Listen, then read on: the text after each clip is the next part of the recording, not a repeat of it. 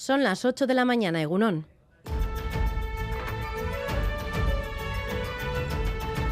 Crónica de Euskadi con Irache Martínez.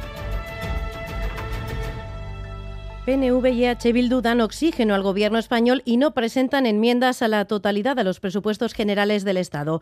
Los gelchales han conseguido arrancar la renovación del cupo garantizando recursos para Euskadi y EH Bildu lo hacía para seguir avanzando en las negociaciones. Pedro Sánchez, eso sí, saca pecho porque el gobierno ha conseguido dar estabilidad al país. Escuchamos a Hitor Esteban y a Pedro Sánchez. ¿Esto quiere decir que bueno, esto se ha acabado y las negociaciones se han cerrado? No, la negociación sigue abierta. Confiamos que esas conversaciones puedan dar sus frutos en los próximos días y anunciar eh, más acuerdos políticos en beneficio de la ciudadanía, de la comunidad autónoma vasca y de la foral naval. Tiende la mano a todas las fuerzas parlamentarias para sacar adelante unos presupuestos que creo que son buenos en su diseño inicial, que estamos abiertos a mejorarlo y finalmente que esperamos se apruebe.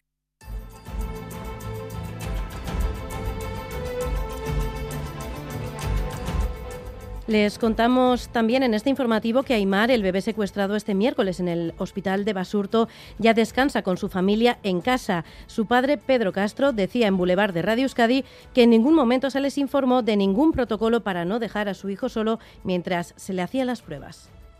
No, no, no, no, no. tenemos, los papeles de registro para hacer del niño, otro tipo de papeles, pero de, de protocolo nada. Sí es cierto que, que se ha dicho que nos han dado el protocolo y firmado y lo que sea, y, porque es mentira y lo que lo que hace es eh, ella sentirse más culpable porque diciendo joder no si me han enseñado el protocolo eso es lo que eso es lo que me duele a mí por cierto que hoy Onincha Enbeita habla en La Vértebra, en nuestra columna, de la secuestradora del bebé, de la salud mental y de la presión social para ser madre. Hoy además hablaremos de Loratzen, la fiesta con la que la compañía Jaisquivel celebra hoy en Ondarribia su 25 aniversario y lo haremos con su capitana, con Ollana Echevarrieta. Todo ello a partir de las ocho y media.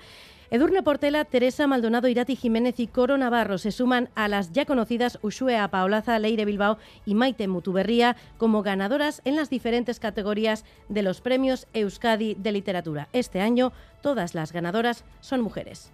Yo creo que va a ser un año especial porque puede ser el, el principio de, de, una normalización de nuestra presencia en el ámbito cultural. Y... Eta oso posenago emakume singuratuta egoteagatik, eh, Roxane Gay idazle feministak esaten zuen, ez dut barkamenik eskatuko emakume esateagatik. Ondino oso harrituta nagoela, ez dut nire burua idazletzat hartzen, artikulo bat joan zena lusatzen eta nahiko urrun ailegatu da. Hemen gure inguruan, irutze zait urte batzutarako badaukagula emakumeen nagusitasuna kulturan behintzat. Y vamos ya con la actualidad deportiva. Yagoba Arostegui Egunon. Caixo Irache Egunon con un montón de acontecimientos. Fútbol de primera a las 4 y cuarto de la tarde. La Real visita el campo del Valladolid. En segunda a las 6 y media la Alaves juega en Mendizorroza contra el Sporting de Abelardo en la Liga F. Derby en Vitoria entre el Deportivo de las Gloriosas y el Atlético a partir de las 12 de este mediodía. Y a las 4 juega la Real en Huelva contra el Sporting de Huelva. En pelota anoche en Tafalla. Ezcurdia derrotaba en el 4 y medio. 22 a 12 a Lezca y hoy el Ordi eh, bate al Lazo en Bilbao. El de Mayavia se mete en semifinales. En golf, John Ram se ha colocado segundo en la Cup en Carolina del Sur. Quedan las jornadas de hoy y de mañana. Baloncesto, derrota de Basconia anoche en el Buesa, 92-97 contra Olympiacos. A las 6 en la Liga CB, eh, juega Bilbao Basket en Lugo contra el Brogan. Y Derby en la Liga de Balonmano Femenino a las 6 de la tarde en Navarra, en Atarrabía, Betionac, Vera Vera. Y repasamos ya el pronóstico del tiempo para las próximas horas. Euskalmet, Mayaleniza, Egunon. Egunon, hoy seguiremos con viento sur. La mañana será clara, pero por la tarde las nubes irán a más. Ahora por la mañana veremos claros muy amplios. Cerca del mediodía irán apareciendo más nubes altas, pero la mañana será soleada. Luego por la tarde aumentará la nubosidad y se pueden dar algunos chubascos ocasionales, sobre todo en el interior, y en algún punto de Navarra también se puede dar alguna tormenta. El viento seguirá soplando con intensidad durante todo el día, pero por la tarde-noche irá ganando fuerza. Respecto a las temperaturas, las máximas vuelven a subir y rondarán los 24-27 grados. En resumen, hoy se mantiene el viento sur. La mañana será soleada y por la tarde aparecerán más nubes.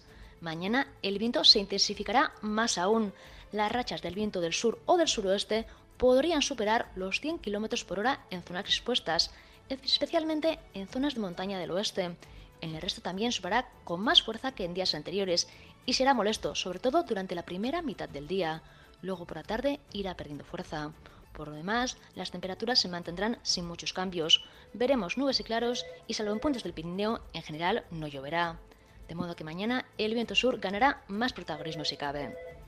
En carreteras sin incidencias a esta hora, según el Departamento de Seguridad, en el control técnico, Jesús Malo, Arancha Prado y Asier Aparicio. Son las 8 y 5 minutos de la mañana. Comenzamos. Crónica de Euskadi con Irache Martínez.